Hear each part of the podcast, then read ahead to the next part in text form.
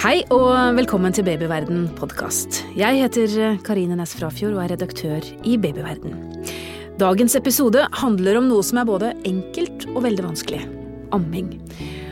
Morsmelk er bra for babyer, det vet vi, og det ser veldig koselig ut å amme barnet sitt. Rolige kosestunder med hud mot hud. Men hva når det bare ikke går? Når babyen skriker, puppen er sår og du bare føler deg mislykket. Hva da? Må vi amme for enhver pris. Jordmor Ina Landau Aasen fra Nasjonal kompetansetjeneste for amming, er det hjelp å få til de som sliter med å amme?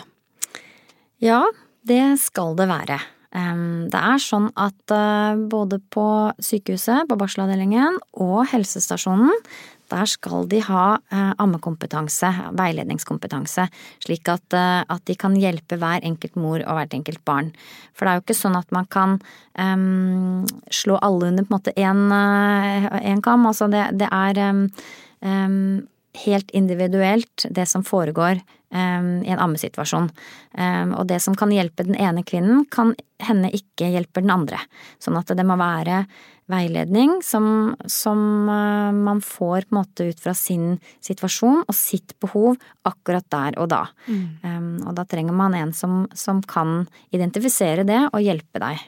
Mm. Vi vet jo at det er bra å amme, det er jo masse forskning som, som underbygger det. og jeg vet ikke, Vi ligger vel ganske høyt oppe på statistikken når det gjelder antall kvinner som ammer barna sine også, gjør vi ikke det her i Norge? Ja, vi gjør det. Vi har, eh, har vel en av verdens beste ammestatistikker foreløpig.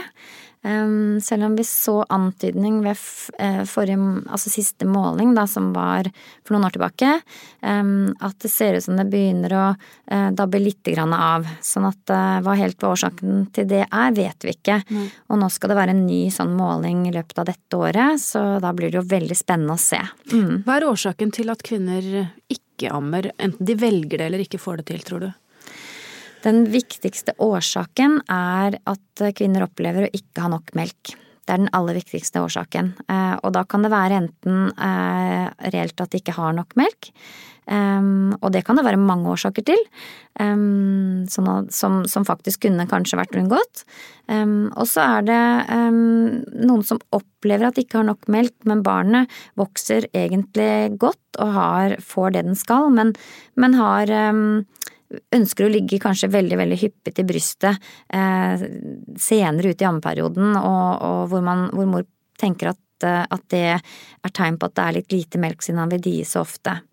Sånn at da er det kanskje sånn at det er sånn barnet faktisk spiser for å få i seg nok melk, og, og sånn er det bare. Men det hender at det ikke fungerer så godt da for alle, sånn at da da opplever man at man ikke har nok, ehm, og så gir man litt, eh, litt annet isteden. Mm. Men er det sånn at amming er for alle? Kan alle amme egentlig? I utgangspunktet så kan alle amme, eh, men om amming er for alle, det er vel heller mm. Jeg tenker at det er svært viktig at eh, kvinner føler at det er deres eget valg og at ikke det er noe de presses til, verken av, av helsepersonell eller av samfunnet generelt, eh, eller sitt eget nærmiljø. Og det er noen, noen som opplever det, men i mindre grad faktisk kanskje enn hva vi har trodd. Det mange kvinner sier, er at de selv har et så sterkt ønske om å amme at at det virker som et nærmest press på seg selv. Mm. Men press fra andre, da? Tror du, man, du, du, tror ikke man føler det? Jo, noen kan oppleve press fra enten fra sitt eget nærmiljø, ja. eh, fordi at eh, det anses som det helt eh, riktige å gjøre. Eh, og så er det noen som opplever et press fra helsepersonell. Um, men det har man også gjort en studie på, så vi vet at det er ikke så stort press som man eh, kanskje trodde det var. Um, så jeg tror nok kanskje at man har um, blitt bedre til å tilpasse kvinnes behov um, enn en det man kanskje gjorde for, for 20 år siden. Ja, mm. Så det har vært en positiv utvikling, da, eller? Ja, det vil jeg jo si. Ja. Mm. Men for de som sliter, og det er det sikkert en del som gjør sånn helt mm. i starten, dette er jo, det er jo teknikker, og det er jo noe som eh, må, må læres. Mm. Hvordan går Altså, får man hjelp hvis man sliter? Kan man få hjelp? Man altså alle kvinner bør kunne få god hjelp fra helsepersonell, enten det er på barselavdelingen eller når man har reist hjem og er eh, tilknyttet sin helsestasjon. Sånn at um, nå vet vi at det er kortere liggetid um, på, på barselavdelinger, sånn at kvinner reiser tidligere hjem, kanskje før ammingen er etablert.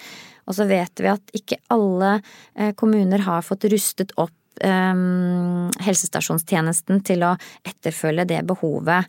Um, men det er jo noe vi håper at skal komme på plass uh, så raskt som mulig.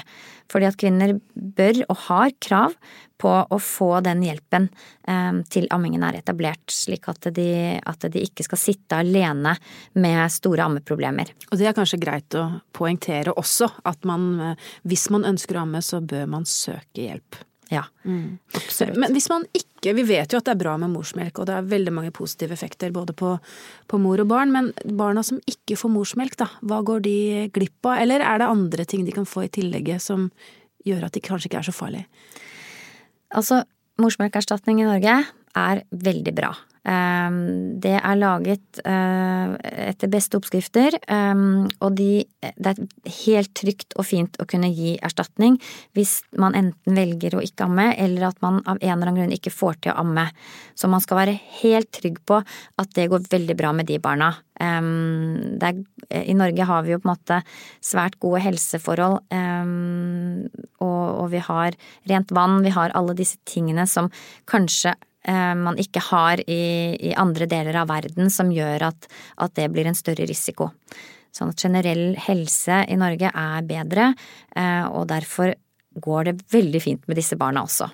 Mm. Vi skal snakke mer om dette med amming, spesielt når det ikke er så enkelt, men aller først en bitte liten pause. Visste du at tidlig høytlesning, helt fra barnet er nyfødt, pangstarter språklæringen? Barn og babyer som blir lest for, utvikler språk og hjerne på en annen måte enn barn som ikke blir lest for. Godboken er bokklubben som tilbyr barnet ditt riktig bok til riktig tid, som engasjerer og bidrar til språkutviklingen. Se første bokpakke til barnet ditt på godboken.no. Temaet i denne podkasten er, eh, er, amming, om man må amme for enhver pris. Og det er vel sånn at det anbefales jo selvfølgelig at, um, at barn ammes, jordmor Ina Landau Aasen. Men hvor lenge skal man prøve, da, uten å få det til? For jeg vet jo at de fleste ønsker jo veldig å amme barnet sitt, men så er det kanskje ting som gjør at det ikke går. Hvor lenge skal man prøve? Ja, det er et uh, godt spørsmål. Uh, svaret er jo, uh, håper å si, nærmest det motsatte. At man, det, det, må være opp til den enkelte mor. Um, hvor lenge man skal holde på. Um, og, og, der tror jeg kanskje også at um, det å få god veiledning og hjelp også eventuelt til å avgjøre om man kanskje faktisk skal gi seg, det, det, det bør man også ha muligheten til å få på, på helsestasjonen. slik at man man skal jo ikke amme for enhver pris, for den prisen kan av og til være for høy for enkelte. Eksempler på det, da? Ja, hvis man opplever at uh, man bare har uh, um, At man ikke har den gleden over barnet sitt, at man ikke har samspillet med barnet sitt, for alt handler om ammeteknikk og få barnet på brystet. Um, og hvis man da heller ikke har fått hjelp til å løse sine ammeproblemer og, og er veldig sår og har alle disse tingene på en gang, så er det jo absolutt sånn at, eh, at, man må vurdere hva som blir det beste for seg og barnet sitt. Og noen ganger så er det, uh, hvis man ikke får løst alt, uh, så, så, så, hender det at det å faktisk slutte kan være løsningen for noen. Men det tenker jeg at da skal man i alle fall være sikret at man har fått den veiledningen av kompetent personell som faktisk kan både se på ammingen og identifisere dine utfordringer, og, og, og, og da gi påfølgende god veiledning eh, tilpasset akkurat det problemet som, som du står overfor. Um, og, når man på en måte da har jobbet med det og, har fått den hjelpen, uten at ting på en måte fungerer, så, så er det jo en annen sak. Da må man jo uh, vurdere hvordan, det, hvordan man eh, løser det. Og det er jo veldig stor forskjell på hva kvinner gjør. Mm. Noen velger jo til slutt å pumpe seg, og, og fullpumper eller delpumper og gir eh, på kopp eller flaske. mens andre trapper ned og går over på erstatning isteden. Sånn at begge deler er jo helt, helt innenfor. Og det må være helt individuelt.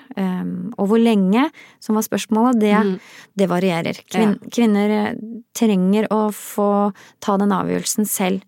Og for noen så oppleves det nesten motsatt, at de blir anbefalt å slutte fordi de har så store problemer, og, og kanskje helsepersonell er bekymret for, for, om mor holder ut mer, og, og, søvnvansker og alt slikt, men jeg tenker at øh, det må være opp til mor, det også, om hun syns det er for mye eller ikke.